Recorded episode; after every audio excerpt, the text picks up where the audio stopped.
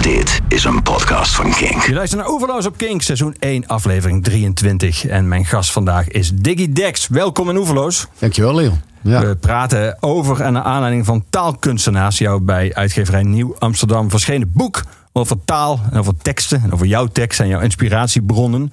Ehm, je schrijft op een gegeven moment, eh, in jouw boek heb je het over dat, die periode in eh, de jaren 90 dat jij een skater was. Dat klopt. En dat je ja. samen met je broer heel veel naar muziek luisteren. eh, ook de Beastie Boys bijvoorbeeld, Urban Ja. Dance Squad, Nirvana. Ehm, was jij een goede skater? Ehm, nee, ik denk dat ik een gemiddelde skater was. Het was wel dat skateboarden op dat moment nog niet eh zo volgroeid was als dat het nu is. Nu zijn er kinderen van acht die trucs doen eh, waarvoor je vroeger een staande ovatie kreeg, zeg maar. En eh, nee, ik was meer eh, inderdaad, maar wel lekker op straat skaten. grindbalken pakken, muurtjes pakken, af en toe eens een kickflip. En, maar ik was er wel dag in dag uit mee bezig, ja. Ja. Er zijn toevallig dit jaar twee films verschenen. Eén een, speelfilm, eh, mid-90s, prachtige film. En een documentaire, Mind the Gap, over de, skatecultuur in de jaren 90.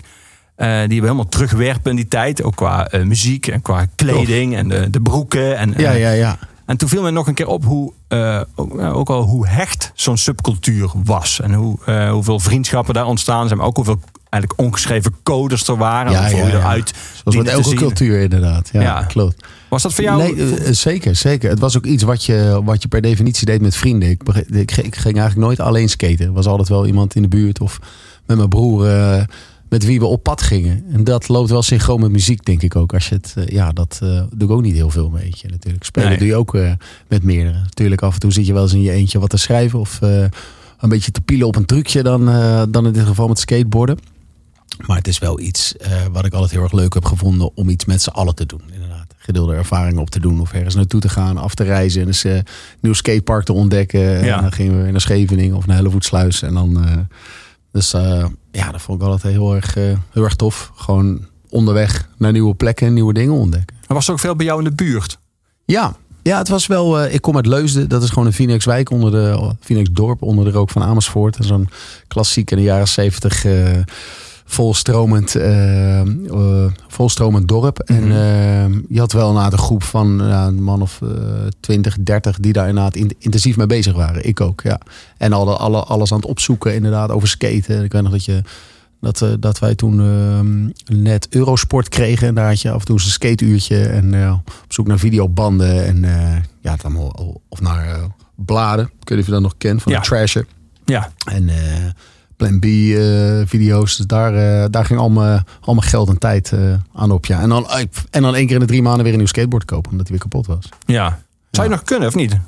Ik skate af en toe nog wel eens met mijn, met mijn oudste zoon. En eh, mm, mm, ja, ja, ik kan rijden, ik kan ollieën, ik kan, ik kan nog wel wat. Maar ik ja, ben, een, ben een stuk ouder geworden en ook een stuk angstiger.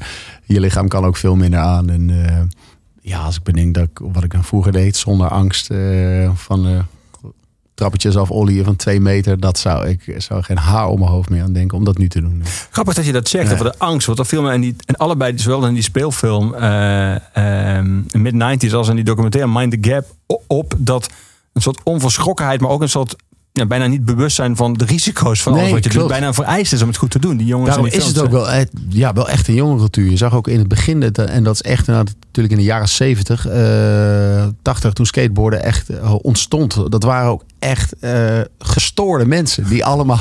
ik las een keer een interview met Tony Hawk. Die, eh, die eigenlijk als een van de weinigen van die generatie. eh, ja, een soort heel, eh, hele, hele langdurige carrière heeft ontwikkeld. En dat goed heeft uitgebuit. En. Maar dat hij ook zei van in het begin waren het gewoon een stel losgeslagen punkers die geen angst kenden en die de gekste dingen deden. Gevolg wel dat heel veel van die mensen ook, eh, ja, of ze hebben zelfmoord gepleegd of ze zijn aan de drugs geraakt of wat dan ook.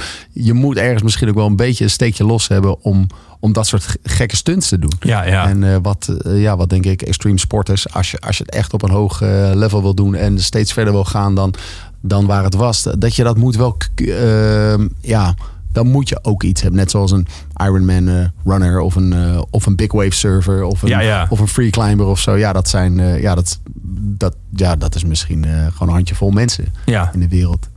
Laten we, laten we muziek draaien die daarmee te maken heeft. Die jij in ieder geval in het boek noemt in die periode. Oh, laten we beginnen met Urban Dance Squad. Ja. Um, nou, laten we daar over verder praten. Ik ga eerst naar ze luisteren. Deeper Shade of Soul, een van een grote hits. Mellow. That's my style.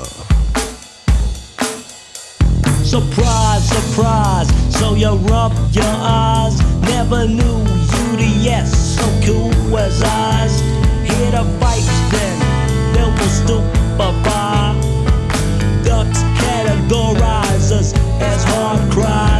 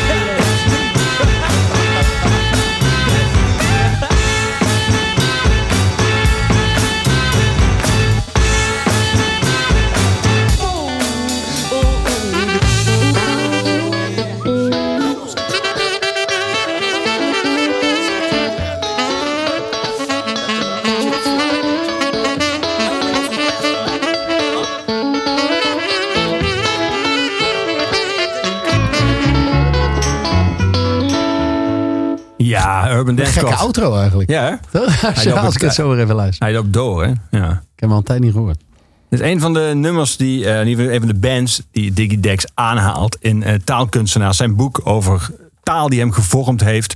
Waar je ook iets vertelt over de achtergrond, over de subculturen waar je af en toe in terecht kwam. Over welke muziek wil leiden tot welke teksten wil leiden tot het lezen van welke werk van anderen. Wat jou wel gevormd heeft. En dit was wel vrij cruciaal zo te horen. Deze periode in ieder geval, die skateperiode. Klopt. Het grappige is als je erover vertelde, als je erover vertelde je boek, dat echt dat ouderwets dat je zelf alles ook moest opzoeken. Was natuurlijk het Ja. pre- het pre-Google, pre-YouTube Ja, het was ook tijdperk. inderdaad. Wat ik ook net zei, eh, eventjes eh, toen het nummer werd gedraaid. Ik was dus inderdaad helemaal, eh, helemaal aan het skaten. En toen, ehm, door die video's werd ik ook, eh, kwam ik in aanraking met nieuwe muziek. En dan ging ik ook bij de aftiteling kijken van, oh, dit is, dit is van eh, de Beastie Boys of dit is van Pennywise. En dan, eh, en dan snel opschrijven en dan met dat briefje naar de cd-zaak. En dan hopen dat ze maar hadden. Ja, En, want je woont in Leusden, ook zei je net. Ja, waar, klopt. moest je, waar moest je naartoe voor je, voor je muziek? Meestal dan naar Amersfoort of naar Amsterdam. Ja, ja ze hadden ze niet zo heel, hadden ze niet zo heel veel.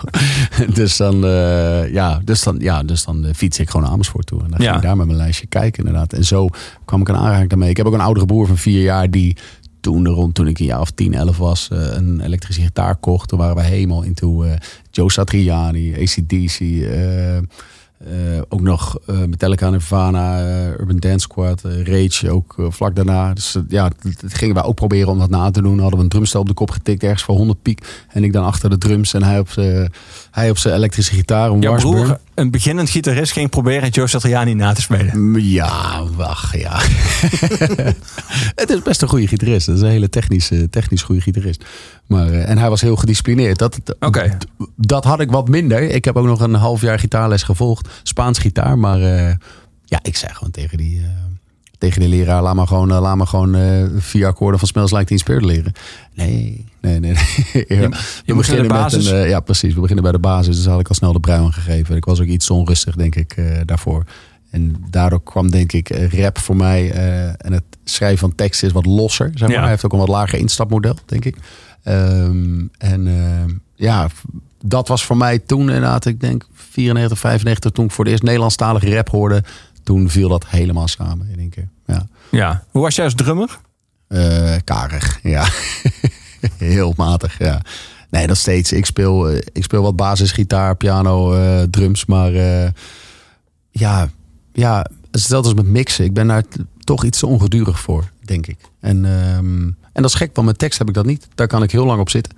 Maar met, maar met spelen heb ik dat, heb ik dat helaas niet. Nee. Nee. We gaan het daar hebben over een Nederlandse hip-hop die, die je zeg maar, lang- langs diezelfde weg eigenlijk Ja. leerde kennen. Maar laten we even nog bij die eh, Amerikaanse vooral eh, hip-hop blijven. Ehm, eh, de Beastie Boys, die, die, Ja. die ook in dat lijstje. Die noem je ook in je boek in datzelfde rijtje. One of kind, ja.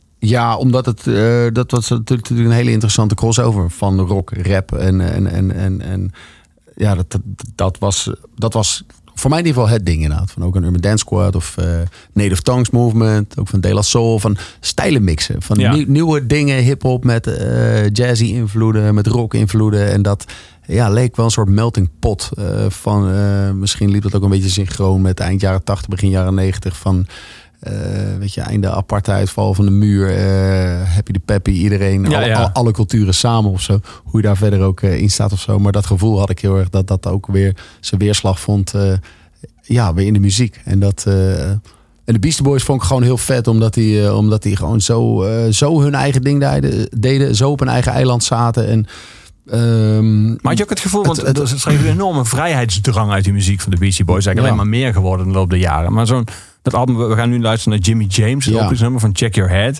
Eh, ik kan me voorstellen als je in Leusden woont, dat je denkt, ja, dit, dit, is, dit, is, dit, dit kan daar of zo. Dat kan in Amerika, New York. Ja, dat- ik had ook helemaal geen idee dat ik dat kon. Maar ik vond het gewoon heel vet op een manier. Ik was gewoon helemaal bevangen daardoor. En eh, voornamelijk waarom ik dit nummer heb uitgekozen, Jimmy James, was vanwege de, vanwege de beat. Vanwege de groove. Op een manier had ik, had ik zoiets. En dat is een sample van de Turtles. Een eh, welbekende die vaker in heel veel hip-hop liedjes gebruikt. Maar op een manier had, kon ik dit blijven luisteren. Die, die groove die maar doorging, dat, dat was echt eh, fascinerend, vond ik dat. Ja, we gaan dan luisteren. Het openingsnummer van Check Your Head in 1992 zijn de Beastie Boys met Jimmy James.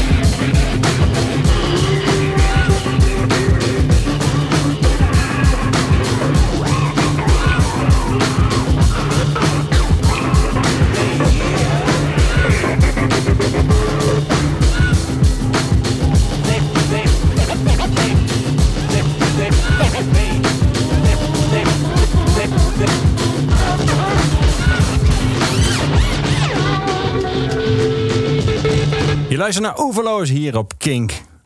Seizoen 1, aflevering 23. Diggy Dex is mijn gast vandaag.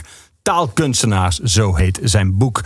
We praten erover, we draaien muziek die op de een of andere manier in het boek voorkomt. Die eh, heeft geleid tot de muziek van Diggy Dex zelf. Of die op een of andere manier tot, van inspiratie is geweest voor eh, mijn gast.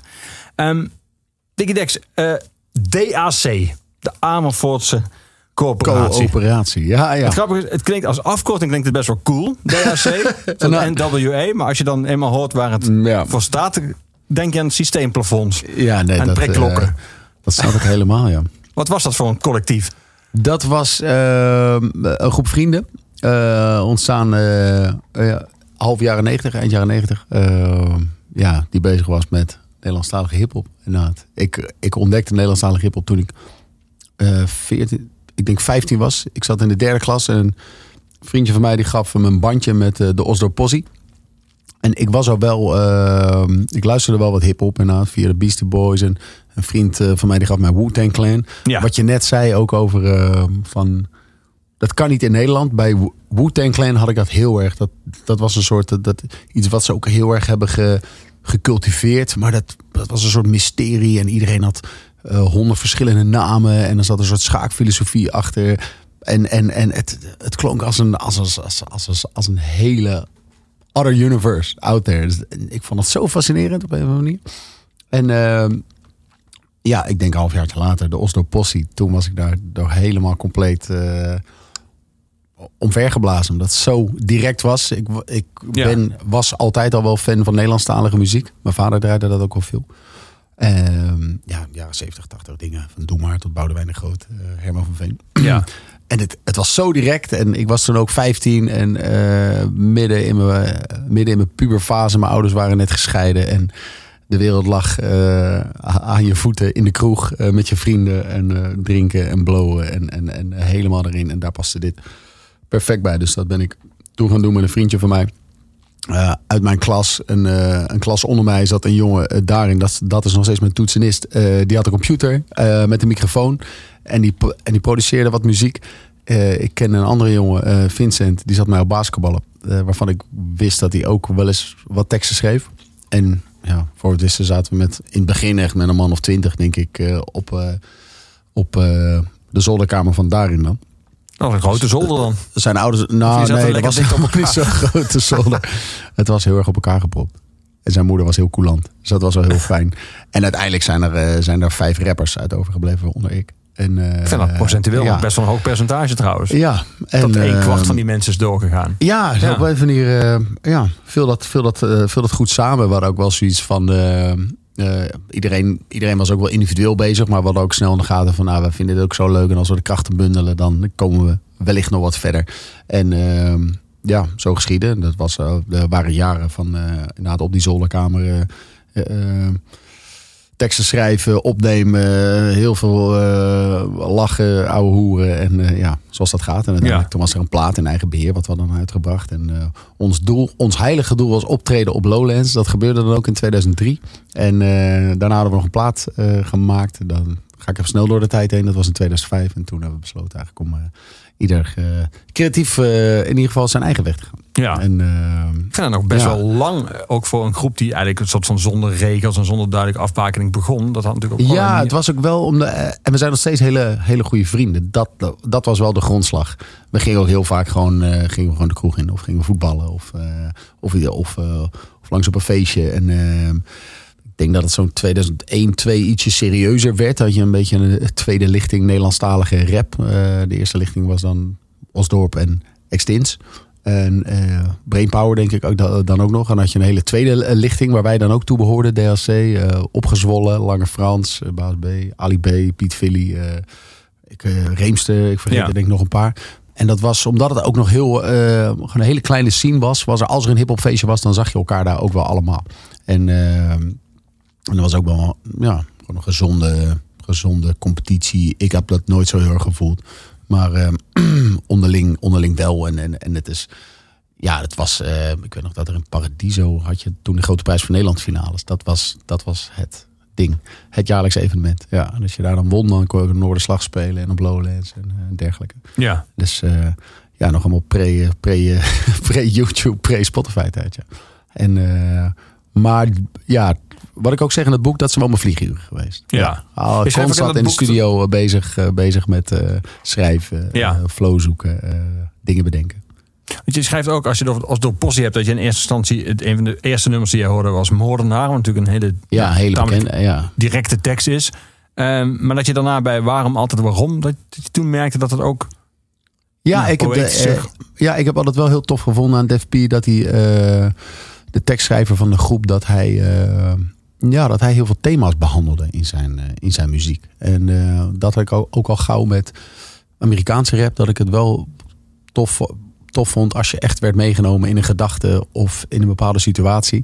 En Def P deed, eh, dat vaak ook. En dat was hun vierde album, Afslag Osdorp. Dat was ook echt wel hun, hun hoogtepunt, hun magnus opus. En ja, be- inderdaad stelde hij dat soort vragen. Waarom blijf ik altijd piekeren? Waarom ben ik hier geboren? Waarom ja, wordt een ander kind daar geboren? Dat waren vragen waar ik ook altijd wel mee bezig eh, was, al op jonge leeftijd. Ja. Ja, Dus laten we nog gaan meer, luisteren. eh, Filosofische inslag. Ja, precies. Die eh, waarom altijd waarom van Osdorp Possie 1994.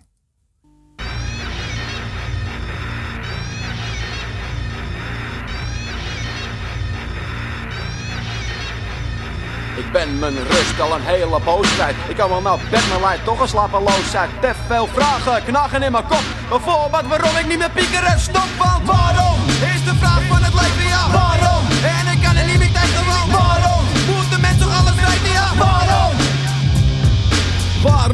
Ben ik geboren? En moet je altijd knokken om erbij te horen? En waarom liet mijn vriendin me in de steek? Wat ging er fout? Waar en in welke week? En waarom heb ik toch altijd pech? En waarom heb ik al die kuilen in mijn levens weg? En waarom heb ik altijd geluk? Hoe kan het dat alles wat ik doe ook lukt? En waarom ben ik uit huis gekikt? Terwijl ik nooit een teringstreek had geflikt? En waarom moet ik bezig blijven? En ben ik zo verslaafd aan nummers schrijven? En waarom schrijf ik juist deze tekst? Deze vraag is misschien nog wel het gekst. Waarom vraag ik toch altijd waarom? Zodat ik elke keer weer op hetzelfde uitkom. Waarom is de vraag van het leven, ja. Waarom?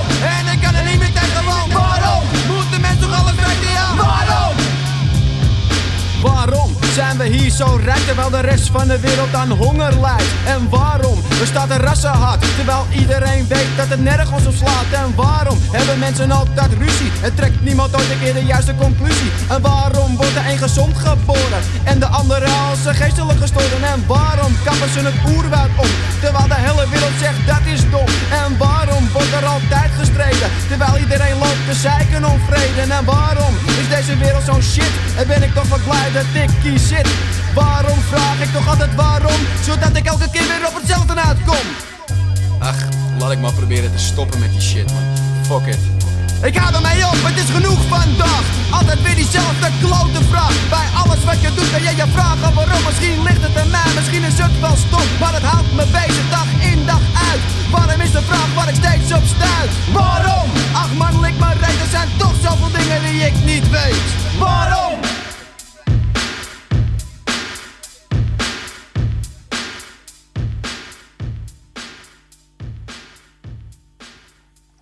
Ja, die Ja. had je al heel lang niet meer gehoord. En toch Nee. zat je hem al mee te zingen. Dus je kende hem wel nog. Ja, ik vind het zo grappig om dit te horen. Ja.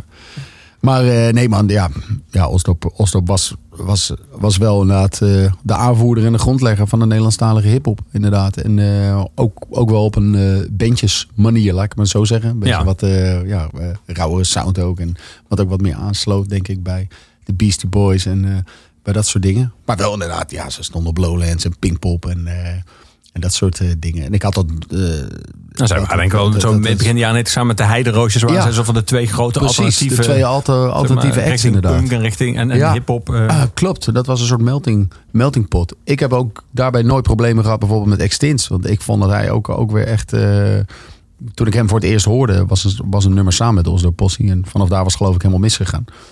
Maar vond ik wel echt gelijk, was ik dazzled. Hij bracht, eh, hij bracht het weer op een hele andere manier. Ja, Ja. maar heel erg veel eh, meer eh, spraaktaal en heel erg losjes en nonchalant. En, en ja, dat was altijd een hele grote veten. Dan ja, dat is natuurlijk al, dat is ook een deel, is dat inherent aan hip-hop cultuur. Dat je Tuurlijk. elkaar dist. en Hoorde dat er ook bij. Ja. Ja.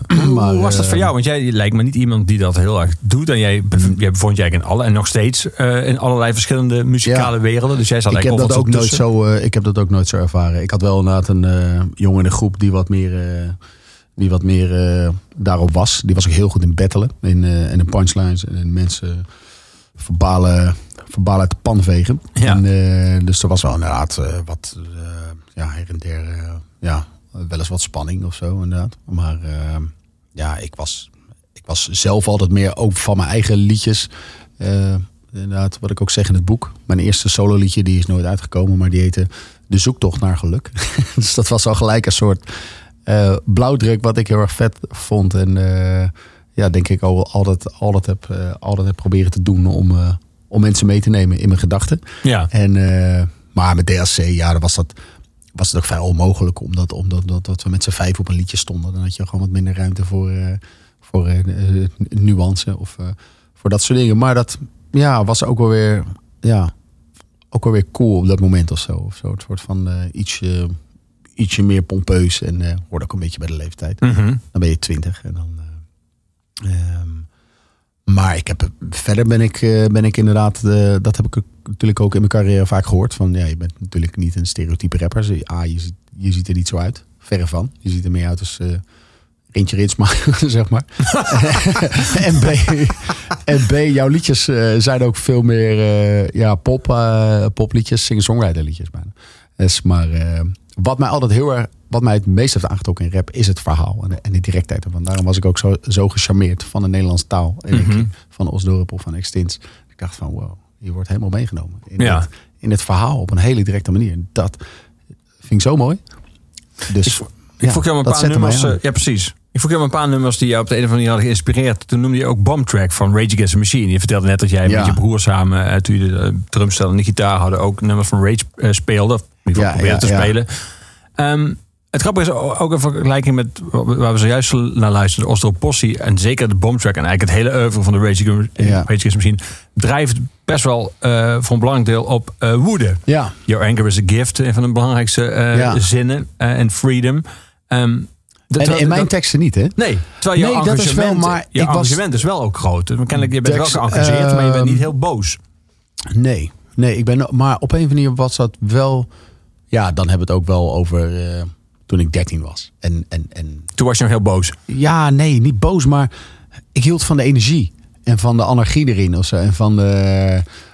ehm, eh, en ook in hip-hop van de do-it-yourself attitude. Daar hou ik nog steeds heel erg van. Ja. Van zelf iets maken en het eh, maakt mij niet zoveel uit wat het is. Maar ehm, ja, wel een soort van lak aan regels en gewoon iets nieuws neerzetten met, met, met een boel. Zoveel energie. En ehm, dit specifieke moment, dat was 1993, eh Pinkpop. Ik zat voor de televisie. En toen ik dit zag, ik had altijd wel, was ik, ehm, was ik nooit bang om, eh, op een podium te staan. Ook op de basisschool als iemand eh, vroeg van wie wil de hoofdrol in de musical. Dan st- stak mijn hand op. Ik, had, ja, ik vond dat leuk. Ik dacht, nou, laten we het eens zien Ja. kijken. En toen ik dit zag van Rage Against Machine, dat was het eerste. eh ze vielen toen in voor Pearl Jam, want die, eh, die had afgezegd. Dat was een jaar dan na dat legendarische eh, het Pinkpop moment. Ja. En toen weet ik nog heel goed dat ik dacht, ja, dat wil ik ook. Op een of andere manier. En hoe weet ik nog totaal niet, wat dan ook. Maar dit is iets wat ik ook wil. En eh, ja, ik vond dat, ik was zo eh, onder de indruk van die, van die energie die ze gaven. En die show die ze weggaven. Ja. En toch een grappig dat je dat zegt, want die energie die Zack de La Rocha zeker heeft, eh, die ook behoorlijk Ja. niet communicatief was altijd, en gewoon echt woedend met een schuimbekkend Ja. het podium opliep. Die, dit is een heel ander soort energie dan bij mij op het podium staat. Dat ken ik, Ja. ken ik voor je het wel inspirerend. Nou, ik heb, ik heb wel een, eh, ik heb wel een eh, redelijke, redelijk, op momenten een redelijke opzwepende energie. Op het, Zeker. eh, op Maar- het, maar woede op het, is dan op niet- het, op, eh, woede is dan op niet het podium. wel, Op het podium wel, maar woede is daar niet van. Maar Nee. wel Maar je inderdaad ook gewoon heel- je- compleet je, los. je bent heel communicatief op het podium. Toen Zeker. Rocha zei meestal Ja. niets. iets. Nee, nee Dus die zijn keek teksten- heel boos. Ja. Ja. en zo half hijgend en, en met een hele gevaarlijke blik. En, Ja. eh, ja. Maar goed, ja, dat paste bij hem toen eh, destijds. En ik, ik, ja, ik moet ook eerlijk zeggen, ik was 13. Ik had ook nog niet heel erg een duidelijk idee. Er zijn dingen waardoor je wordt aangesproken. En ik hield van Zeg de La Rocha, maar ik kon net zo eh, goed luisteren naar John Lee Hooker. Maar dan zat ik op de bank rustig, maar dat vond ik ook heel erg mooi. Dan was ik doorgegrepen of naar Sting of naar Paul Simon of zo. Dus ik had eh, Maar vond je gewoon een bovenmatige interesse voor muziek. Maar Ja, maar ik zou me kunnen voorstellen bij Rage Against the Machine, eigenlijk alle keren dat ze op Pinkpop stonden, eh, gebeurt dat ook heel veel op het veld. Je, je Ja. kon ook daar zien wat met een, een mensenmassa kan Ja. doen als muziek aanslaat. Eh, Ja. eh, het was één grote moshpit. Ja. daar was ik wel door gefascineerd. Ja. En dat vind ik nog steeds mooi. Als je inderdaad. ehm afgelopen vrijdag stonden we op een festival. Wat een nummer inderdaad. Waarin eh, we heel origineel eh, vragen iedereen zijn handen in de lucht te doen. Maar het blijft een heel gek moment. Dat je dan al die, al die energie zo voelt. En dan merk je ook in de band dat iedereen helemaal daar gaat. Dus Ja. dat, dat, dat, ja, dat is wel kicken. Dat is eh, met, met inderdaad niet te vergelijken. Maar de muziek inderdaad als eh, eh, eh, machtsmiddel op een positieve manier. Mhm. Dat werd daar inderdaad wel heel erg duidelijk bij Rage Against the Machine. Ja, laten we eens gaan luisteren naar het nummer. Laten we de, de, de live versie nemen. Ja, want het, het is eigenlijk- die is eigenlijk Ah, nog explosiever. Ehm, Dat is bij het eerste liedje wat ze speelden daar. Ja, en dit is de versie. Ja. dit is het optreden in 2000 in LA. Maar je hoort, nee, je hoort bijna wat er in het publiek gebeurt. Ja. Hier is Rage Against the Machine met de live versie van Bomb Track.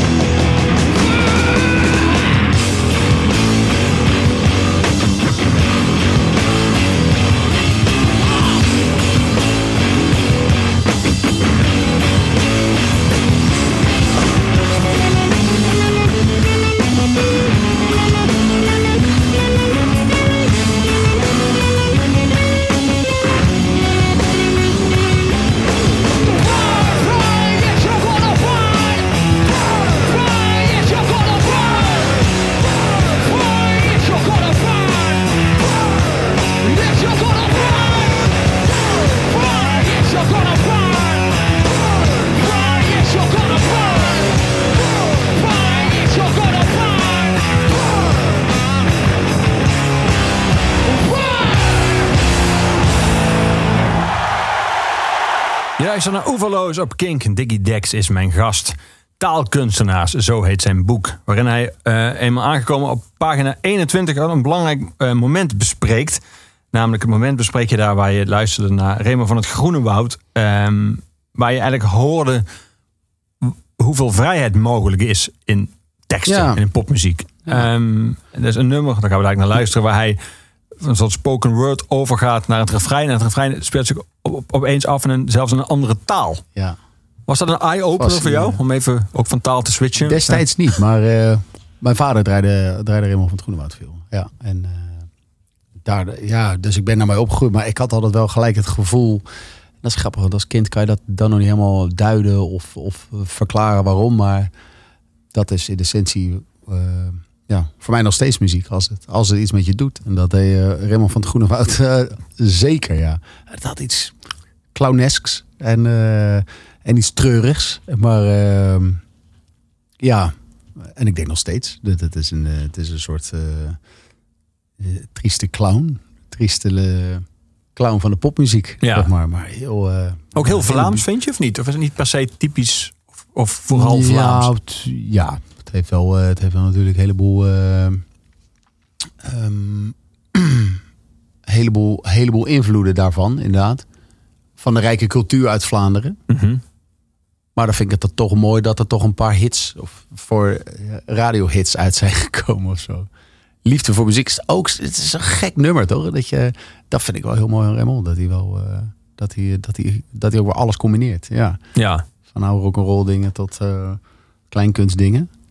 Je- hele- ik hoorde laatst nog een keer liefde voor muziek, maar er staan een aantal, er zitten een aantal laat ik zeggen, ja, er zitten een aantal raciale typeringen die heel anders zouden vallen, denk ik. Die niet meer kunnen inderdaad. Gek ook toch? Ja. In de, nee, zeker. En, eh, maar wel iemand die inderdaad oude, oude dingen combineert met nieuw en, een, eh, en zijn eigen persoonlijkheid erin stopt. Dat vind ik heel mooi aan hem. En eh hoort, is, is, is, is voor mij ja, is ook, het, is ook een verhaal inderdaad. Van, eh, ja. Elke artiest heeft maar één verzoeknummer. Weet je wel? En elke artiest, elk mens is uiteindelijk op zoek naar maar één ding. En dat vind ik wel, eh, ja, dat vind ik wel heel sterk. Wat ik hem, wat ik wel heel gaaf aan hem vind, is dat hij met, met weinig woorden heel goed eh, dingen kan schetsen. Ja, het zijn geen lappen van teksten. Nee, Nee. maar door kleine eh, dingen. En dat, dat hij zegt, ik heb gespeeld in Alticum, ik heb gespeeld in Peuty. Ja, dat, dat zegt er alles. Daar, dat roept gelijk een beeld op van ja, de rondreizende troubadour die voor volle zalen heeft gestaan, voor lege zalen heeft gestaan. Ik vind dat heel mooi. Ik ben ook altijd erg eh, gecharmeerd geweest van de Franse, Vlaamse traditie vanwege de romantiek er ook in. Ik luister ook best veel Franse muziek. Misschien overgeromantiseerd, maar het heeft eh, gewoon een hele lange traditie. En dat vind ik heel mooi, dat het iets heel eigens heeft. En ehm, gewoon qua klanken, qua sounds, qua onderwerpen, eh, geheel eigen. Dat vind ik heel, eh, heel mooi eraan. En Raymond ook. En, eh, maar ja, dat, ja. Dus, eh, ik kan, ik zit heel even te denken wie dat nog meer heeft. Nou goed, laten we maar luisteren anders. Het feit dat je daarover moet nadenken geeft wel aan hoe Ja. uniek hij is. Ja, dat is echt, echt uniek. En een hele, hele lieve man. Ik heb hem één keer mogen ontmoeten. Ik heb een keer met hem gespeeld in het Sportpaleis op Nekkernacht. En toen ging hij ook rappen. Wat hij naar behoren deed. Vond ik ook heel leuk. En eh, ja, een hele gevoelige man. En eh, ja, wonderlijk figuur. Ik hoop eh, dat, hij, dat hij nog eh, lang bij ons is. Dat is al tien jaar dat ik in het vak zit. Ik heb gezongen in Aalst, Peuty, Zwevenzelen, Genoelselderen. Ik heb zalen doen vollopen. Ik heb zalen doen leeglopen. Ik heb succes gekend. Ik heb ellende gekend. Ik heb toejuichingen gehad. Bloemetjes. Verzoeknummers. ACDC, Sherry, bakje vol met stro. Ik weet niet waarom, ik weet niet hoe het komt. Maar artiesten hebben meestal maar één verzoeknummer. Je veux l'amour, je veux l'amour. Waar ik ga, waar ik sta, voor ik sterf, voor ik verga, je veux l'amour. Ik heb een syndicaat, ik heb een agent. De een werkt per tarief, de ander op percent. Degene die, zoals ik, werken op het sentiment, worden door het leven niet lang verwend. Ze worden zot, je veux l'amour. In een kano, op het strand, in de lift, op de tram, op de vloer. Ik babbel met de gast die mij een glas aanbiedt. Tot ik genoeg op heb voor een volgende stap.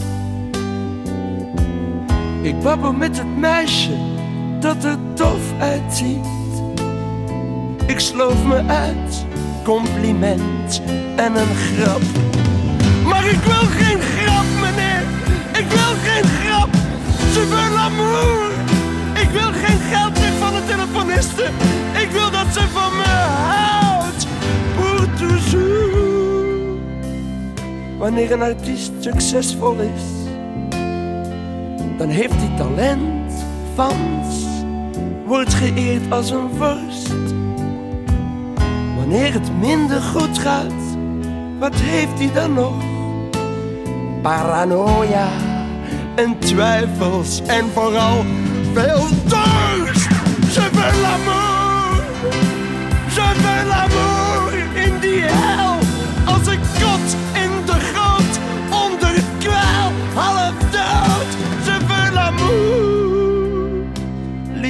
Voor mij en voor mijn hond die heel de nacht in de auto op me wacht. Ik wil er zelfs voor de premier.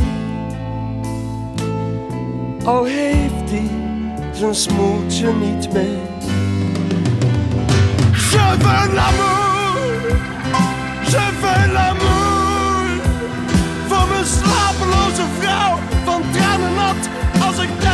Strand zat.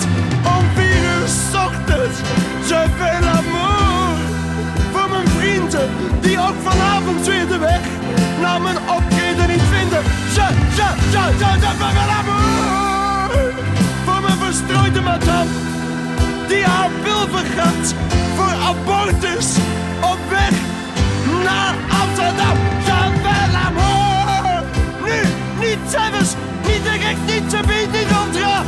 Maar nu, maintenant, tout de suite, ooit de godverdomme. Je veux l'amour. En ook geld, geld, om cadeautjes te kopen. En aan iedereen te geven, omdat ze zouden van me houden.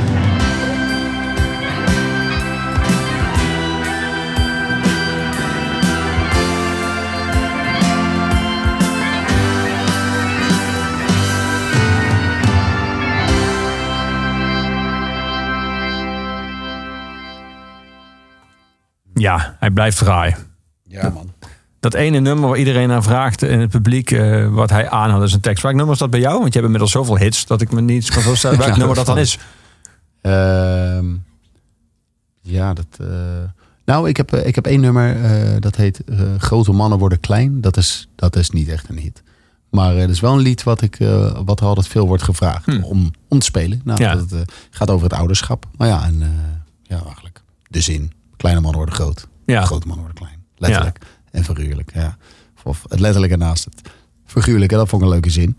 En eh, ja, ik denk dat dat ook wel herkenbaar is voor veel eh, jonge ouders of eh, kinderen hebben onder de vijf. dat gevoel. Ja. En Dus, ehm, en ik vind het zelf ook een heel leuk, nog steeds een heel mooi nummer. Maar ik speel hem ook niet altijd. Dat scheelt.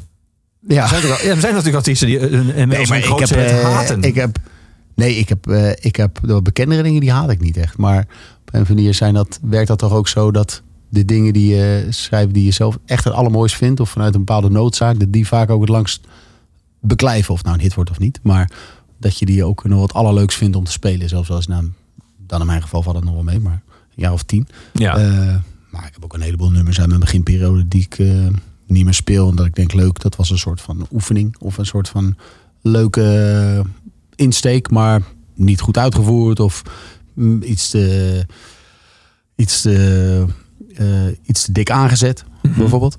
En, eh, en dat maakt ook allemaal niet uit. Ik heb daar geen spijt van. Dat staat ook gewoon nog steeds op, op eh, Spotify. Maar het is, het is heel gek om naar jezelf te luisteren uit bijvoorbeeld uit 2006 of 2007 of zo. Heel gek. Ja. Luister je dan dat je wel naar jezelf of luister je dan naar een soort eerdere versie van jezelf? ja, dat inderdaad. Ja. En ja, dat wel inderdaad. Alle, alle beelden die er hebben opkomen. Nou, de muziek heeft natuurlijk altijd associaties op. Je hoeft maar een nummer op te zetten en je bent weer in je studentenkamer. Of eh, eh, met je vriendin eh, destijds in dat plaatsje in Italië. Ja. Ehm, dus dat, dat doet het bij mij ook. Als ik mijn eigen oude muziek hoor, dus ik mezelf weer zitten in, in mijn studiootje op Pielen in, in Amsterdam, in mijn studentenkamertje. En ja, dus dat, ja, is alleen maar met een glimlach eigenlijk dat ik daarop terugkijk. Dat ik dan denk, ja, dat is mooi. Mooie tijd. Heeft me gevormd tot wat ik nu ben. Als er nou niet synchroon zou lopen, eh, in het geval van sommige van de artiesten die sommige nummers die eh, hits zijn geworden, zelf eigenlijk verschrikkelijk vinden, vind jij dan dat je het wel zo moet het blijven spelen omdat mensen, eh, het publiek het wil blijven horen? Of, Ja, ik vind, ik vind het zelf wel heel vervelend, inderdaad. Als ik in het publiek sta en ik ga naar een artiest en hij speelt zijn of haar grootste hits niet. Maar ja, uiteindelijk is het zijn of haar beslissing, natuurlijk. Maar ik zou het niet. eh, nee, nou, eh, ja, vind ik. Ja, je bent ook niet verplicht of zo, maar ik vind, ik heb soms wel eens de indruk dat er dan artiesten zijn die wat ouder zijn geworden en die dan expres een beetje hun eigen hits gaan eh, de, denigerend gaan lopen doen van ja, dat was maar even, dat heb ik in vijf minuten geschreven en wat dan ook. Dan denk ik van nee, maar blijkbaar zat er toch iets in wat een heleboel mensen heeft aangesproken. Dus daar hoef je niet zo negatief of zo eh, denigerend over te doen. En, Nee. eh, Het is wel grappig dat, dat, dat kennelijk dat dan op zichzelf een criterium voor disqualificatie zou zijn. Terwijl er Ja. heel veel. Axel Rose schreef eh, de grootste hit van Guns N' Roses in de taxi naar het vliegveld. Maar toch, toch kan nog steeds heel ja, nee, ja, ja, exact, inderdaad. Maar het heeft dan misschien ook te maken met een bepaalde erkenning die je zoekt of zo. En, dat heeft elke artiest, denk ik. Dat je, dat je dan het gevoel hebt van... eh, ehm, eh, nou, ik vind het jammer dat, dat ik net even een negatieve recensie uit die hoek krijg. Want dat is juist het blad wat ik altijd heel erg eigenlijk heel tof vind of zo, weet je. Maar eh, ik ben daar niet zo mee bezig. Maar ik kan me wel voorstellen dat het, dat, dat dat wel kan. Dat het een groter monster wordt in je dan dat het eigenlijk moet zijn. Ehm, over negativiteit of, of, of ja, ik doe maar wat. Er zijn, eh, noemen ze, eh, weet ik veel, van Dave Mustaine die eh, nooit eh, echt gelukkig is geworden, als ik hem mag begrijpen. Nee, dat was vrij ontluisterend. En die Ja, documentaire, toch? Ja, dat je waar nu denkt, van wijzen over eh, Metallica. Dat hij ja, dat hij dat je al denkt, sinds het eh, ja, uit Metallica stappen wacht op een erkenning die hij Ja. voor zijn gevoel nooit heeft gekregen. Terwijl Ja. hij toch een succesvolle carrière dat je denkt, je hebt wel 100 miljoen platen verkocht. En eh, voor uitverkocht stadia gestaan. En dus het is nooit genoeg. En ja, dan, dan kan je zoveel platen verkopen. Dan moet je toch terug bij jezelf te raden gaan. En terug naar de oorsprong waar dat gevoel vandaan komt. Ja. Maar dat is mooi gezegd. En daar heb je natuurlijk ook gelijk in. Maar aan de andere kant kan ik me ook voorstellen dat het ingewikkeld is. Bijvoorbeeld, kijk eens naar jezelf. Je hebt bijvoorbeeld Carré uitverkocht. Stel je voor je zo volgend jaar in Carré staan. En er zijn nog honderd plekken leeg. Is nog steeds een heel goed Ja. gevuld uh, Carré. Waarschijnlijk zul je toch ergens achterhoofd denken. Ja. En shit, Fokko is uitverkocht. Ja, ja, die gedachte eh, spookt dan wel door je hoofd. Zeker. Ehm, ik heb wel altijd nooit, eh, ik heb nooit heel veel moeite gehad met, eh, met, met het idee van ups en downs. Ik heb, ik heb nooit hele, echt hele diepe dalen gekend, maar wel periodes dat ik er wat, dat ik er wel weer op zoek was naar het vuur van het schrijven en, ehm, ehm, ehm, ja, en, en, en ook eigenlijk een beetje de zoektocht naar wie ik was en wat ik wilde zeggen. Maar ik heb optreden altijd wel heel erg leuk gevonden. En oprecht, als het voor tien man was, vond ik het eigenlijk ook wel nog leuk.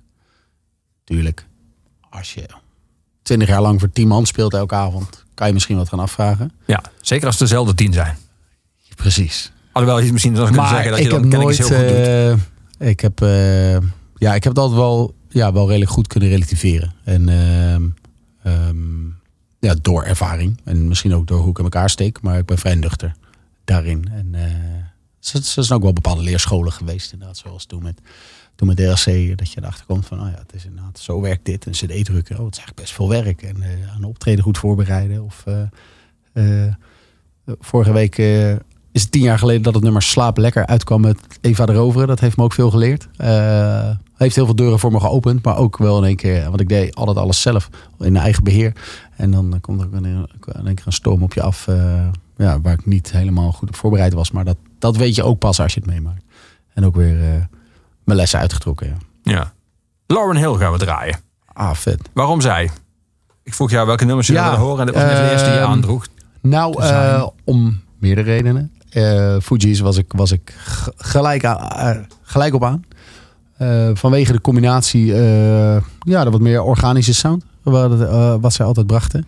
Vanwege de originaliteit, vanwege de Caribische invloeden daarin. Wyclef heb ik ook heel hoog zitten als producer. En ja, ook, ik zei net tegen je, ehm, eh, toen een liedje werd gedraaid. Ik hou vaak van zangers die niet per se heel goed kunnen zingen. Wyclef is daar absoluut één van. En ook niet goed gitaar kan spelen. Je hoort hem vaak valsig spelen. En Lord Hill gaf daar een soort kleur aan die, die zo... eh, en alles bij haar leek zo moeiteloos. En ze kon prachtig zingen en zag er goed uit. En eh, was een van de beste, vind ik nog steeds een van de beste rappers van al, aller tijden. Niet eens... En, ehm, ehm, ja, geen discussie. Die is voor mij hetzelfde niveau als een, als een Eminem. Of een, eh, het is alleen wat lastig te beoordelen, omdat Eminem bijvoorbeeld een wat langere, ja, langere carrière heeft. Of een Nas. Of een, eh, maar qua, ik, vond het bijzonder. Deze plaat was, was voor mij, eh, heb ik heel veel geluisterd. Het zit zo goed in elkaar. Ik denk ook niet voor niets eh, 100 Grammys gewonnen. En, Nee, het is maar een klassieker. Daarna is het nooit meer zo goed geworden, helaas. Maar eh, ja, dit was voor mij zo'n combo van 21 jaar geleden alweer Ja. zie ik nu pas. alles zat erin. Gewoon. Ja. Ja. 1998 was dit. ja. We gaan er naar luisteren. Hier is Lauren Hill.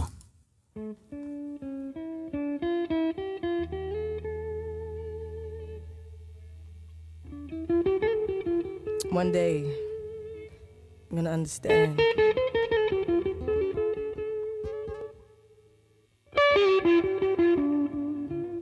Zion.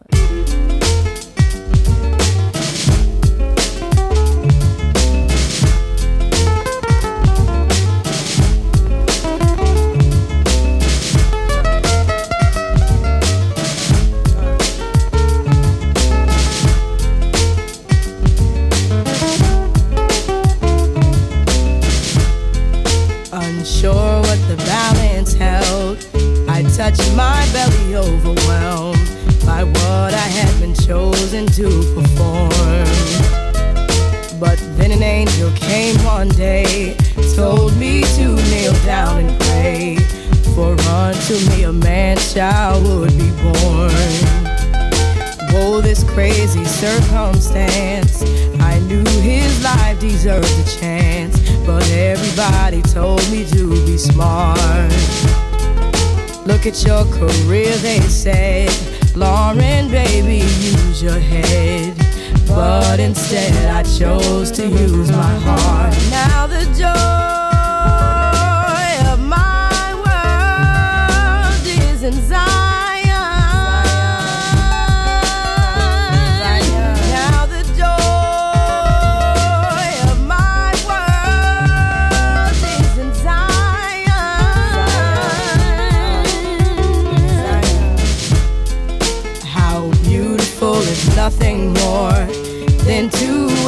wait door. I've never been in love like this before. Now let me pray to keep you from the perils that will surely come. See, life for you, my prince, has just begun. And I thank you for choosing me to come through unto life to be a beautiful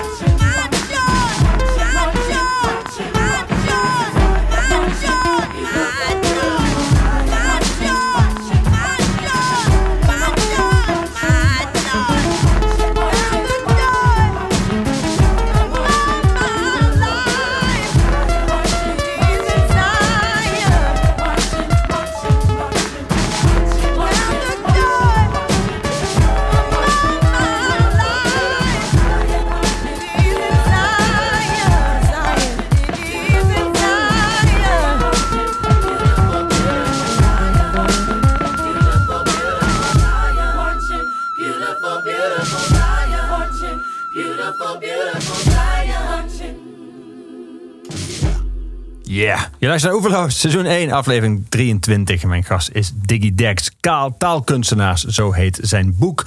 Waarin hij zijn teksten beschrijft, de oorsprong van die teksten, de inspiratie van die teksten. Je, zegt- je legt ook in je boek al uit dat taal bij jullie thuis sowieso wel belangrijk was. Je moeder eh, gaf cursussen Nederlands aan nieuwkomers. Nederlands, ja, klopt. En je vader was pedagoog, maar Ja. schreef zelf ook verschillende boeken. En ik heel erg van Onderwijsboeken, ja. taal. Ja. Ehm, nou, dat heeft je wel in, in, de basis al talig gemaakt dan, Ja. lijkt me. Klopt, ja. Ik eh, was altijd wel, eh, ik ook zeggen, boek, eh, boe- boeken aanwezig. Was altijd veel aan het lezen. Ehm, mm, iets, ik, ja, en het schrijven van gedichten. Dat, dat was iets wat ik heel erg fascinerend vond. Ja. Daarmee Je open ik het een- boek volgens mij. Ja, Ja, je opende het boek met ook je aan. Sinterklaas gedicht Ja. dat je op je zevende schreef. Het maken, het maken van een gedicht, dat, daar was ik helemaal door betoverd. Ja. Vind ik nog steeds heel mooi. Pak hem er even ik, bij. Ik vind maken gewoon iets heel leuk. Iets heel leuks. Vanuit taal. Beste opa, Sinterklaas weet waarvan u houdt. Daarom geef ik u deze tennisbal van goud. Hoppatee. Ja. Een klassieker. En kreeg je, kreeg je wat je wilde? Nee, dat was een cadeau van mij voor Ja. mijn opa. Kreeg ik ook wat ik wilde. Je bedoelt een reactie van hem. Ja. Over, eh, nee dat niet. Maar mijn opa was vrij nors. Dat was de vader van mijn moeder. Dat was niet zo'n hele aardige vent eigenlijk. Maar ehm, Toch, het toch, ging toch meer... even zo'n mooi cadeau het, van eh, ja, ja, ja, precies. Het ging er meer om dat inderdaad mijn vader... eh, die schreef altijd heel veel... eh, of heel, Heel lang lange schreef je, gedichten. ja. heel lange gedichten. En dat vond ik altijd heel leuk. Dus daar, we- dus daar wilde ik ook altijd in mee. En nog steeds vind ik het leuk. Leuk om te dichten. En het gaat me makkelijk af. En... eh, En vond je vervolgens ook lezen op school leuk? Want dat is natuurlijk iets Ja, waar heel veel gediscussieerd vond ik ook. Ja, zeg maar, taalonderwijs. Boeken, boeken lezen dat- dat- inderdaad. Ik heb, ik heb wel inderdaad alle, alle jeugdboeken in de jaren tachtig heb ik wel, eh, heb ik wel verslonden. Ja. Ja. En ook eenmaal toen, de- Ook, toen het eh, verplicht werd, toen je zeg maar, je literatuurlijst op school. Middelbare school had ik, had ik iets minder interesse inderdaad. Omdat ik, eh, eh, ja, de verplichte, ja, dan wordt het verplicht. Ja. Net zoals heel veel mensen van 15 en 16 eh, die denken, ja doei. Ik ga liever naar de stad. In Ja. plaats van een boek lezen. Ja. Nou, niet alleen dat ook, dus dat, maar ook die discussie die wordt nu nog steeds gevoerd. of je wel, of die kanon niet achterhaald is. Of je niet Ja, meer sorry, moet aansluiten bij wat jongeren zelf, graphic novels, sportboeken. wat er, nu, eh, wat er nu in het kanon eh, zit. Nou, waarschijnlijk Zit er nog wat jij had. in het, eh, ja, echt, ja? Ja, nee, dan, dan mag er wel verandering in komen, ja. Waar ik zou voor opteren is sowieso inderdaad meer... eh, ja, laat ik het maar zo noemen, zelf studie of zelfhulpboeken. boeken uit de filosofische hoek of zo. Die heb ik wel gemist. In de, en ik snap, Nederlands, Nederlandse literatuur moet zeker aandacht aan worden besteed. Maar misschien één blok. En de rest mag worden besteed aan eh, het lezen van filosofieboeken of eh, over eh, sociologische boeken. Over hoe, hoe mensen elkaar zitten, hoe je met elkaar omgaat, hoe de maatschappij is zoals die is. Daar zou ik meer voor opteren in het curriculum. Ja. Curriculum, ja. Ja, hebt twee belangrijke grondstoffen naar voren uit jouw eigen studie. De sociaal-culturele wetenschappen. En daar zat zowel sociologie als filosofie, als ook antropologie. Waren dat Ja, ik had, daar, ik had daar wel een bovenmatige in- interesse in. Ik heb daar volgens mij als, als allereerste boek in eh, wat ik kreeg, heb ik een boek van Abraham de Zwaan gelezen, De Mensenmaatschappij. En toen dacht ik echt van, nou, dit, dit boek moet iedereen gewoon lezen. Dit, er werd zo helder uitgelegd hoe een maatschappij in elkaar steekt. En, en, en, en hoe het politieke systeem is gevormd. En, en, en, en eh, ja, de werkingen van groepen mensen en uitsluiting en, en, en, en dergelijke. En dat ik dacht van, hè, waarom, waarom, waarom... Wist ik dit nog niet? Wist ik dit nog niet. Nee, dus dat vond ik... eh, en daar zaten wel een aantal andere, andere inspirerende eh, boeken in. Dat is op zich wel een Ja. goede aanjager voor je studiemotivatie. Als het eerste boek dat je Ja, van plek moet lezen. was een hele, dat was een hele fijne, ja. lyrisch enthousiast over bent. Ja, Ja. ja. nee, ik was daar heel erg enthousiast over. Bleef je dat En, over je studie? in het begin zeker wel, ja. Vooral de, meer, vooral de theorie, inderdaad. De verhandelingen over antropologie. Eh, en over filosofie kreeg je inderdaad... de eerste, eerste twee jaar kreeg je heel veel eh, eh, van alles een beetje. Communicatie, theologie. en daarna moest je specialiseren. En ik koos dan de richting cultuur, organisatie, management. Wat eigenlijk neerkwam op een soort organisatieantropologie. Toen begon ik wel een beetje af te haken, ja. Ja, omdat ik... ehm, ik vind organisatiekunde is niet per se mijn... daar gaat mijn hart niet heel snel van kloppen. Nee. het wel interessant, een paar dingen. Maar eh, En inmiddels was je natuurlijk ook gewoon steeds actiever en steeds actief in de muziek. Kant, Ja, ja. Dat was voor mij het kantelpunt inderdaad. Dat ik een eh, of vier- 25 was. Ik zat volgens mij in het vierde jaar van mijn studie. Toen moest ik stage lopen. En, eh, en een scriptie bedenken. En ik was ook een beetje... ja, ik had wel vooral... was op zoek naar een verschil kunnen maken of zo. Wat denk ik veel mensen hebben. Maar een soort zingeving, zingeving zoeken in je leven. En ehm, dat vond ik niet helemaal daar meer. Nee, en meer op de muziek. Je hebt wel die studie afgemaakt. Je hebt je diploma gehaald. Ja, omdat ik dus toen alleen nog mijn scriptie moest. Ja. En toen dacht ik, nou, dat kan ik net zo goed afmaken. Ja. Daar heb ik vervolgens twee, jaar, belangrijk om je... twee jaar over gedaan. Oké. dus eigenlijk alleen maar muziek maken. En toen kreeg ik op een gegeven moment een brief van... nu moet je hem afmaken, want anders dan kom je in het nieuwe systeem terecht. Van, eh, ik zat nog in het oude systeem. Het nieuwe systeem, met drie Het nieuwe systeem. Ja. eh, system, fuck the system. Nee, het, eh, het eh, systeem van massa. En toen moest ik weer allemaal vakken opnieuw doen. Dus ik ben gewoon met een ouderwetse, met een ouderwetse bedreiging... heb ik gewoon mijn scriptie afgemaakt binnen twee maanden. Ik Ja. een hele fijne scriptiebegeleider... die ook allemaal wel snapte dat, ik, eh, dat mijn toekomst niet in de wetenschap lag. Dus Ja. was... Maar vond je belangrijk om in ieder geval een diploma te hebben? niet zozeer. Hmm. Het ging me meer om die 10.000 euro die je anders moest terugbetalen. dat klinkt heel erg bazaal, maar ik dacht wel van, dat was toen heel veel geld. Dat is nog steeds heel veel geld, maar toen al helemaal. Dat ik dacht van ja, anders dan moet je dat helemaal weer terugbetalen. Je OV-lening en, Ja. en, en wat dan ook. En ik had al een studieschuld opgebouwd, dus ik denk nou, als ik even... te- eh, ja, zo, zo calculerend was ik dan ook wel weer. Dat ik dacht van nou, als ik gewoon even twee maanden werk, dan heb ik 10.000 euro verdiend. Dat was min of meer mijn redenering. Ik heb de scriptie daarna eigenlijk nooit meer ingekeken. nee. Dit is ook wel zo'n studie, vind ik, sociaal-culturele wetenschappen, waar die oom op het familiefeest, die oom die vindt dat eigenlijk iedereen economie moet gaan studeren, vraagt wat je daar later mee denkt te worden. Ja, niemand snapt het ook destijds. Wat ik, ik wist dat zelf ook niet inderdaad. Dat is een soort, eh, heel veel mensen die eh, belanden uiteindelijk in de HR of eh eh, gingen het onderwijs in of wat dan ook. En, ja, ik had daar ook niet. eh, ik heb altijd wel een eh, vrij grote drang gehad voor iets eh, zelf doen. Vroeger wilde ik altijd graag een eigen bedrijfje beginnen. In, in muziek of in, of in skateboards of dat soort dingen. En dus ja, had ik altijd wel zoiets van: ik verkies wel mijn vrijheid boven, boven naar de vaste baan. Ja, Ja. Dat was altijd een beetje mijn schrikbeeld. Ja, een 9 tot 5. Ja, dus je misschien dat leuzen dat dat wel een beetje, ja, misschien overdreven, maar het heeft wel mij ge- eh, ja, wel een beetje gevormd wat dat betreft. Het is een hartstikke leuke plek tot je twaalfde, maar daarna had ik wel zoiets van: ik hoef hier nooit, nooit meer terug te komen. We gaan muziek draaien. We gaan het eigenlijk hebben over samenwerken met anderen, teksten schrijven voor anderen. We gaan luisteren naar een van jouw bekendste samenwerken met Jan Willem Roy. Treur niet, ode aan het leven.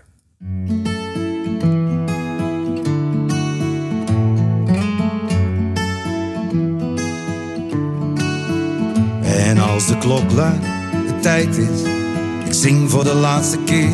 Als ik daar lig, in vrede, zing deze dan nog een keer. Ja, heb je ooit wel eens bedacht wat je zou zeggen? Als je straks daar ligt voor hen die jou kennen. Wat zijn de woorden die je mee zou willen geven? Hier, dus bij deze, mijn ode aan het leven. En ik heb alles hier gedaan wat ik wou. Ik heb dingen voor mezelf en gemaakt voor jou. Ik heb het zilver al gezien en gegaan voor goud. Ik had het soms fucking heet en soms dagen koud. Maar ik heb altijd geprobeerd te gaan voor liefde. Te staan voor mijn naasten, te gaan voor vrienden. Te gaan voor familie in de dag en de nacht. Ik heb zoveel gekregen, niet altijd verwacht. Yeah, en dat is mijn filosofie, dus doe maar één loop. Als ik weg ben, dan denk aan dat. Waarvoor je weet is je show voorbij. Dus draai deze nog één keer, één van mij. En als de klok luidt, de tijd is, ik zing voor de laatste keer. Als ik daar lig, in vrede, zing deze dan nog een keer. En als de klok luidt, bouw dan een mooi feest voor mij. Zo'n eentje die doorgaat, doorgaat voor altijd. Mocht ik heen gaan, ergens, treur dan niet om mij. Maar proost op het leven en treur niet om mij.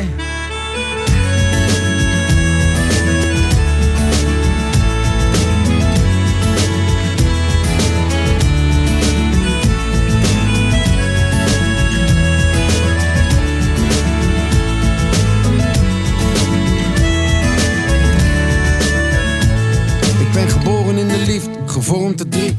Maar ging mijn eigen weg, koos voor de muziek. Soms koos werkeloos, geen geld op de bank. Soms over een shows en was de held van de stad. Maar ik heb altijd geprobeerd om te gaan voor echt.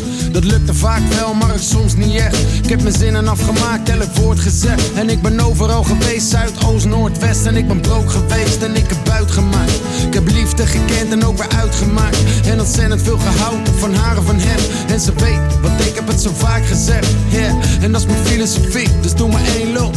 Als ik weg ben, zeg het nog geen keer. Waarvoor je weet is je show voorbij. Dus draai deze nog één keer, één van En mij. als de klok luidt, de tijd is, ik zing voor de laatste keer. Als ik daar lig, in vrede, zing deze dan nog een keer. En als de klok luidt, bouw dan een mooi feest voor mij. Zo'n eentje die doorgaat, doorgaat voor altijd. Ergens, treur dan niet om mij. Maar proost op het leven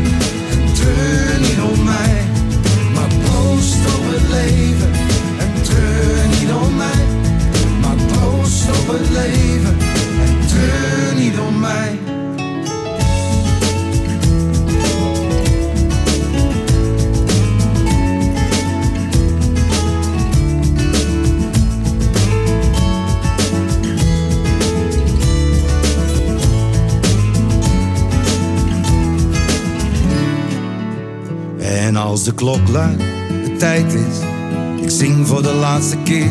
Als ik daar lig, in vrede, zing deze dan nog een keer. Je luistert naar Oeverloos, seizoen 1, aflevering 23. Diggy Dex is mijn gast.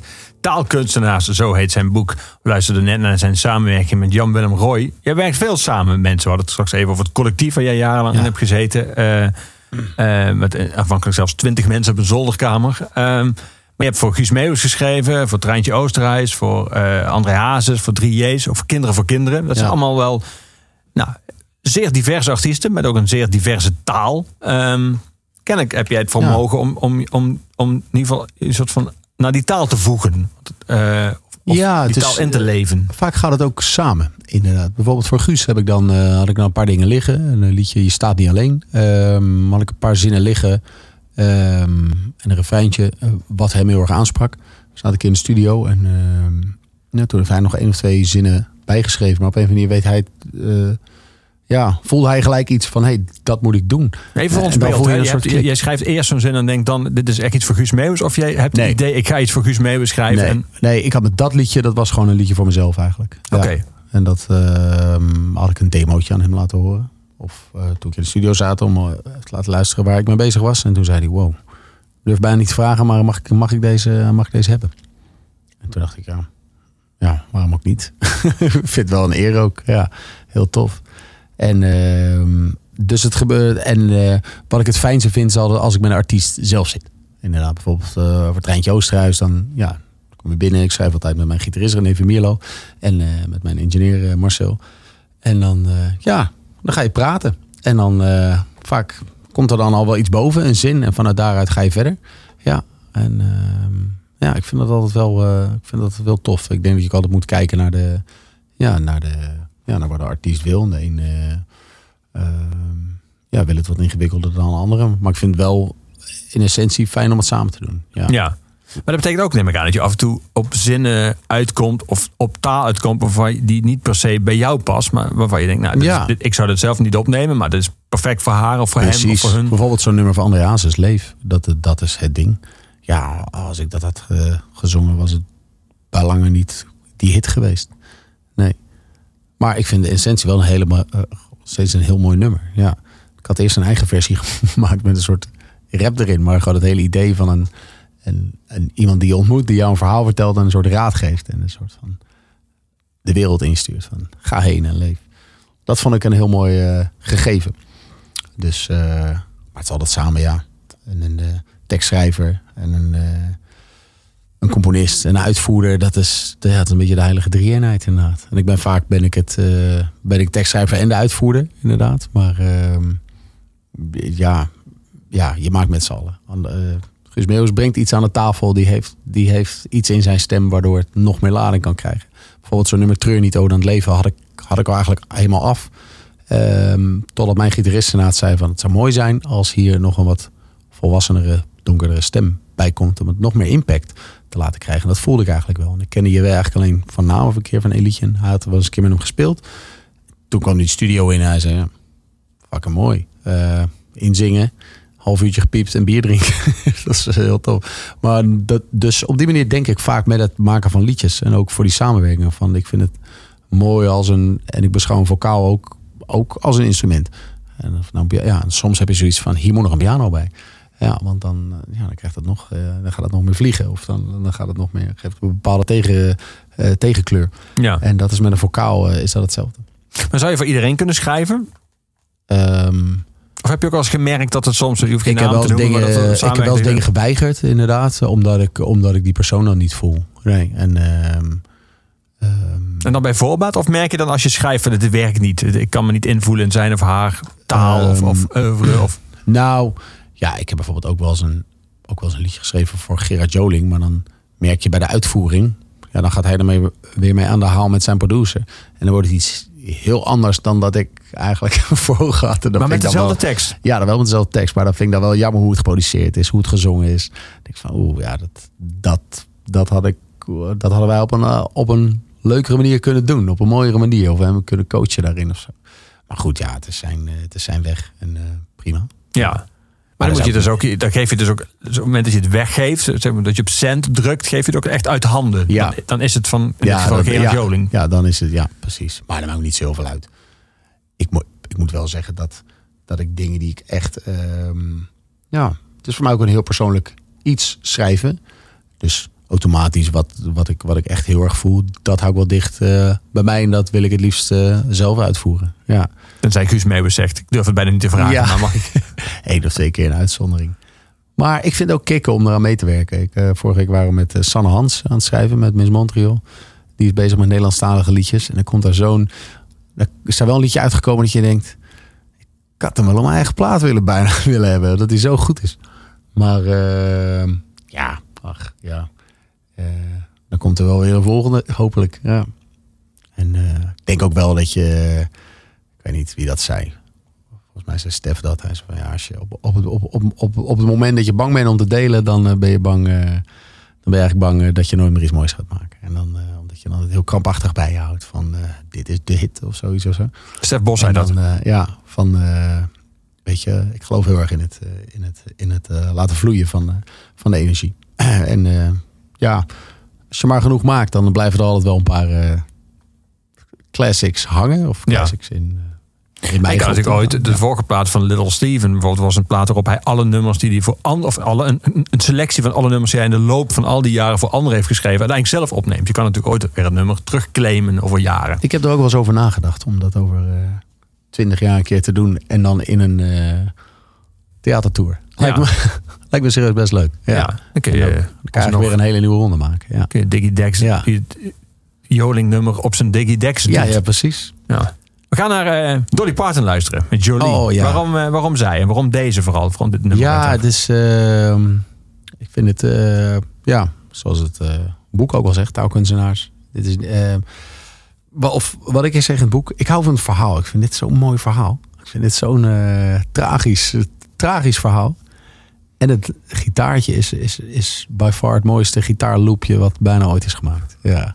Ik heb het heel vaak geprobeerd te samplen op een of andere manier. En, en, en, maar dit is, het is zo'n betoverende versie. Eh, zelfs, de, zelfs de versie die, eh, die helemaal omlaag is gepitcht. eh, ik weet niet of je die is, of, heb, heb gehoord. Er is op YouTube een filmpje van een eh, 33 toeren versie. Nee, ken ik niet. Die is prachtig ook. Dat is eigenlijk bijna nog mooier. maar ja, ik hou van gitaar. Van akoestische gitaar, van, van, van organische feel.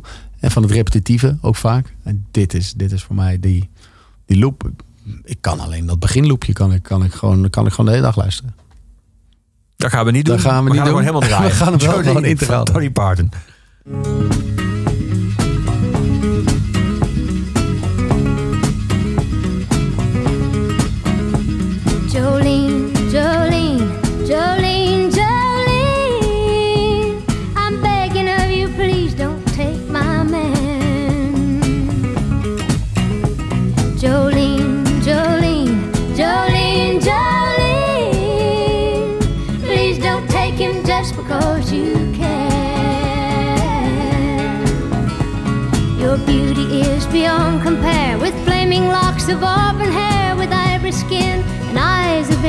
Green.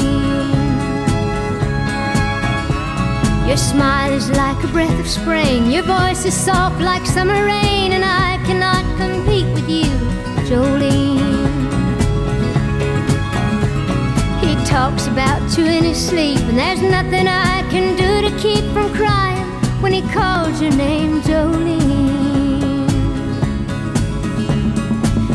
Can easily understand how you could easily take my man, but you don't know what he means to me, Jolene. Jolene, Jolene,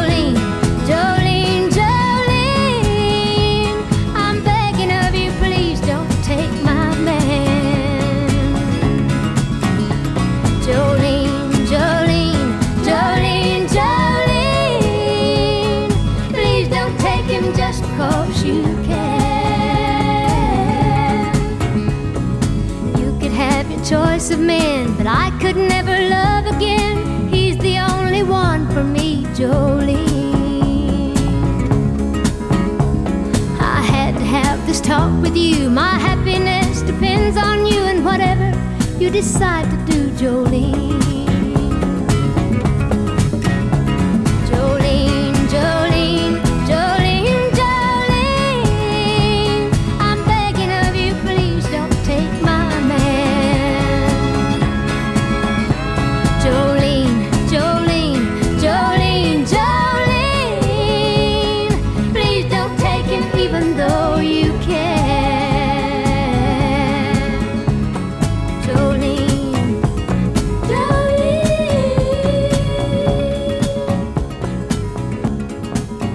Je luistert naar Oeverloos op Kink.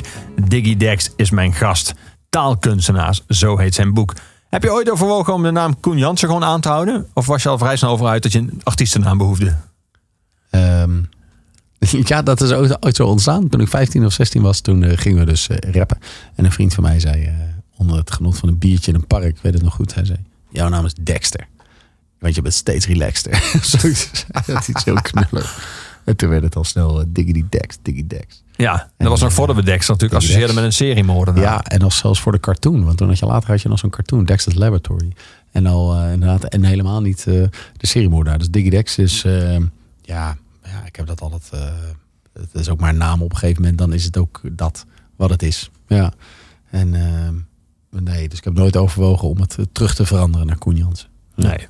Is er eh, een verschil dan in een soort van mate van intimiteit en vriendschap eh, tussen de mensen die je artiestennaam voor je gebruiken en de mensen die gewoon je, geboortenaam gebruiken? Eh, nou, dat is, dat is wel grappig, want mijn beste vrienden zeggen ook vaak Dickie. Oké. Of Dex, of, eh, of daar weer verbasteringen van. Ja. Eh, alleen, mijn- ik denk, ja, mijn vriendin. Met je gezin en je, die zullen gewoon... Maar dat zijn ook vrienden uit, eh, ja, dat zijn beste vrienden. Dus daar ben ik ooit ook eh, mee begonnen met muziek maken. Dus en dat is wel logische associatie. Maar mijn vriendin en mijn moeder zeggen altijd Koen. Ja. ja. En mijn kinderen ook. Ja. Je vertelde in het boek dat je een tijd lang in je leven stotterde. En dat je daaraan hebt overgehouden dat de minst favoriete letter van jou van het alfabet de T is. Ja, ik vind het moeilijk om te beginnen. Ik doe wel eens een voice-over eh, voor eh, een biermerk. En dan hebben ze een, eh, mm, een zinnetje wat dan begint met een T. En ik krijg dat het dan heel moeilijk uit. Dat ik dan ook denk, oh shit, ja, daar komt hij weer. Ik vind een zin om te openen met een O, zo vind ik heel makkelijk. Of een S of een R of zo. Maar de t, ik weet niet wat het is. Misschien is het een overblijfsel uit stotteren. Ik weet het niet. Maar ik vind het ook niet een hele fijne klank. De T.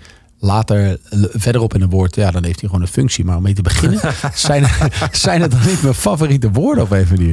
Ik weet niet. Ik kan nog niet heel veel woorden bedenken eh, van hele mooie woorden waarvan ik denk, nou, dat, dat bijvoorbeeld een woord als, eh, ik noem maar wat. Toekomst. Dat is toch prachtig Toekomst. Ja, vind, ja, ik weet niet. Nee, vind ik ook niet een een heel mooi, eh, vind ik niet een heel mooi woord. Vergeleden vind je mooi. Ja, ik vind verleden vind ik wel mooier dan. Verleden is het, is het woord. Ja, is wel mooier. Maar nu vind ik ook mooier. Ja, Ja. Nu. Dan toekomst. Of eh, theologie. Of eh, thee. Ja, thee, ja, thee. Ik weet het niet. Het is, maar het, is meer, het is meer een soort associatie die ik dan. Elk woord, elk woord roept een gevoel op. Ja. Ik vind dat altijd heel leuk. En je hebt ook de neiging, merk nu al, om woorden met een T beginnen extra dreinerig uit te spreken. Zeker, zeker. Er Om niet het maar, even, maar dat is net precies. Misschien eh, ligt het ook aan mij. Waarschijnlijk wel met de thee. Ja. Christophe mee. Eh, wie is hij? Christophe Maé. Ja, Maé. Christ- eh, ja, zo'n Franse uh, sing-songwriter eigenlijk. Die, um, ik weet niet eens hoe oud hij is, maar... Hoe kwam die op via- jouw pad? Of in jouw nou, mijn platenkast? of in jouw... eh, gitarist, die, eh, die heeft een Franse vrouw. Dus die is, die is ook vaak in Frankrijk. En die komt eh, altijd dan weer terug met een paar eh, nieuwe vondsten. Wordt natuurlijk ook heel veel eh Franstalige muziek gedraaid. 70%. Wat is het geloof ik het wettelijke minimum daar ook ja, alweer? dat is daar eh, bij wet geregeld. hè? Ja, heel fijn. En eh, ja, dus die komt allemaal, ja, dan allemaal terug met eh, dit moet je luisteren, dit moet je luisteren. Naar eh René toe, mijn gitarist, maar ook, ja, dus ook naar mij. Ik vond dit een hele mooie, ik was vooral onder de indruk van zijn stem en de, de vraag, ile ou le bonheur, waar is het geluk? Ik vind dat mooi. En, eh, Hoe is jouw Frans? nou, redelijk. Hm. Ik, ik kan het wel volgen. Spreken is altijd weer even inkomen. Maar eh, ik heb na mijn middelbare school nog een jaar in Frankrijk gezeten. Op een camping gewerkt. Dus toen ging, me, eh, toen ging me vrij goed af. Dat zal ook wel moeten dan daar. Zeker. Want het Engels van veel Frans is natuurlijk... zie je. Yes. It's not very good. Maar eh, ehm, ja, je moet er even inkomen dan. Dus, maar ik vind het wel heel fijn om te luisteren, ja. ja Franse muziek zet een, een plek. Maar ook Franse hiphop trouwens van vroeger. Vind ik heel vet altijd. IM of NTM. Ehm, had ook gewoon weer een hele, hele eigen, eigen smoel gelijk. Qua alles. Ja. Qua sound. We gaan hem Dus- luisteren. Il est où le bonheur Il est où Il est où Il est où le bonheur Il est où Il est où J'ai fait l'amour, j'ai fait la manche. J'attendais d'être heureux. J'ai fait des chansons, j'ai fait des enfants. J'ai fait au mieux. J'ai fait la gueule, j'ai fait semblant. On fait comme on peut. J'ai fait le con, c'est vrai, j'ai fait la fête, ouais. Je croyais être heureux, mais y a tous ces soirs sans pote. Quand personne sonne et ne vient, c'est dimanche soir dans la flotte. Comme un con dans son bain, essayant de le noyer, mais il flotte. Ce putain de chagrin, alors je me chante mes plus belles notes et ça ira mieux demain. Il est où le bonheur Il est où Il est où Il est où le bonheur Il est où Il est où Il est là le bonheur, il est là Il est là Il est là le bonheur, il est là il est là. J'ai fait la cour, j'ai fait mon cirque. J'attendais d'être heureux. J'ai fait le clown, c'est vrai, et j'ai rien fait. Mais ça ne va pas mieux. J'ai fait du bien, j'ai fait des fautes. On fait comme on peut. J'ai fait des folies, j'ai pris des fous. Je croyais être heureux, mais y a tous ces soirs de Noël où l'on sourit poliment pour protéger de la vie cruelle tous ces rires d'enfants et ces chaises vides qui nous rappellent ce que la vie nous prend. Alors je me chante mes notes les plus belles, c'était mieux avant.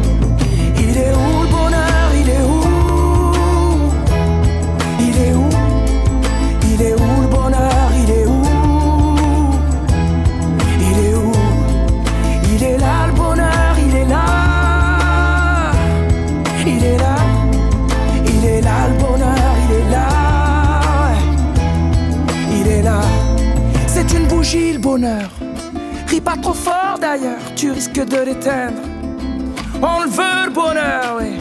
On le veut. Tout le monde veut l'atteindre. Mais il fait pas de bruit le bonheur, non. Il fait pas de bruit. Non, il n'en fait pas.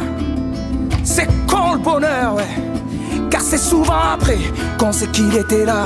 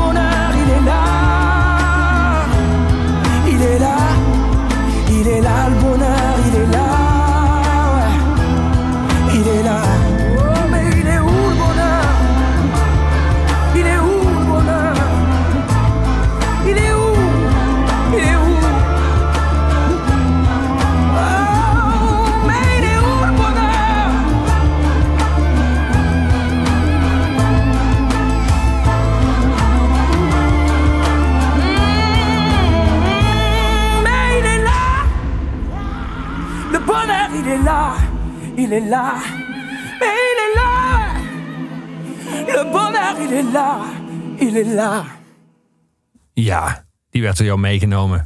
Even jouw bandleden. En toen ging je naar luisteren. dacht je, dit vind ik goed. En heb je dan ook de neiging om te denken, die wil ik ook eens live zien? Of heeft dat voor jou niet zoveel met elkaar te maken? Zie iemand. Ehm, ben wel benieuwd. Dat is meer, eh, ik ben niet iemand die heel erg op zoek gaat naar. eh, ik ga kijken waar die speelt. En dan eh, het is meer als het, als het een beetje zo loopt. Ik ben ook niet een hele vervente concertganger hoor, moet ik zeggen. Je bent, maar dat is natuurlijk wel een vrij vervente concertgever. Dus ik kan me Ja, voorstellen dat dagen dat, Dat je is ook speelt. zo. dat je denkt van ja, en eh, buiten spelen, ja, ben je af en toe nog wel s'avonds weg. En, eh, Precies. Ja. Verder ben ik, eh, hou, ik, hou ik gewoon heel erg van de, lekker thuis zitten of, of iets leuks doen met vrienden. En ja, dan als je op, ja, toch wel zo gemiddeld twee, drie avonden in de week weg bent, eh, Ja. is dat wel heel prettig. Om gewoon lekker thuis te zijn. Nou, maar nou, ik heb wel, als, ik- als ik op een, ergens op een festival speel en inderdaad er speelt een band die ik dan graag wil zien, dan, dan blijf ik wel even hangen. Doe maar, bijvoorbeeld. Vorig jaar. Die had ik al drie keer gezien, maar dat, eh, dat, kan blijft- nooit genoeg. Dat blijft ook goed. Ja. Ja.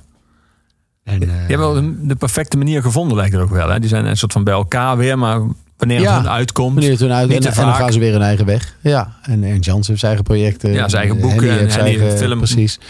Dan is het dingen. Dus eh, ja, dat een mooie manier toch? Die manier. En dan, eh, ja, dat is... eh, Maar die noem je in jouw boek al als oude liefde. Dus die, ja, dat, ja, dat is een liefde die zeker. je als Heel erg, ja. Ja, man. Dat is, eh, dat is eh, de beste Nederlandstalige band, denk ik. Ja, ik ken er niet eh, veel meer.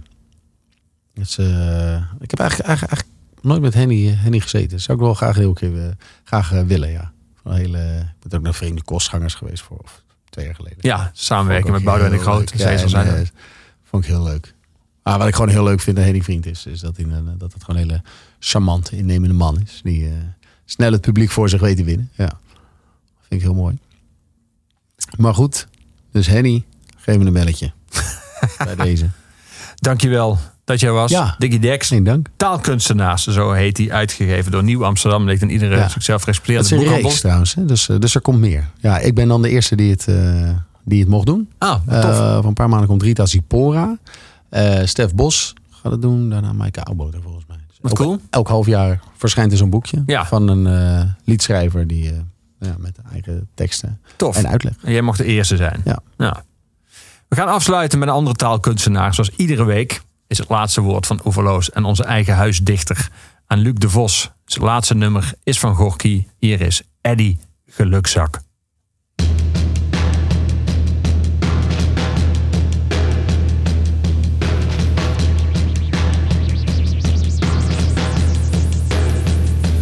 Ik moet nooit meer naar school. Ik doe alleen nog maar mijn zin. En ik droom nooit meer van die stomme examens. Echt nooit meer. Waarom ben ik dan zo moe? Misschien slaap ik wel te veel. Ik krijg mijn ogen niet meer open. En mijn oren zitten toe. Ik zie die leerlingen op straat. Met hun boeken, tassen, sleuren. Al dat huiswerk. Ik moet er niet aan denken. Als nacht in de ochtend weer verloren gaat, voorgoed verloren gaat, kom ik terug van alweer een feest. En zie ik jongens en meisjes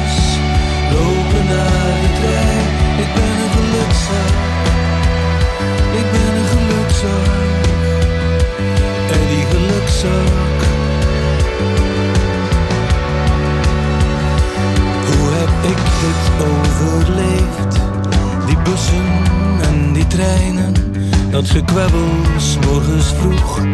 Over wiskunde, God weet wat. Ik zie leerlingen op straat met hun boeken, tassen sleuren, al dat huiswerk. Ik moet er niet aan denken. Als een nacht in de ochtend weer verloren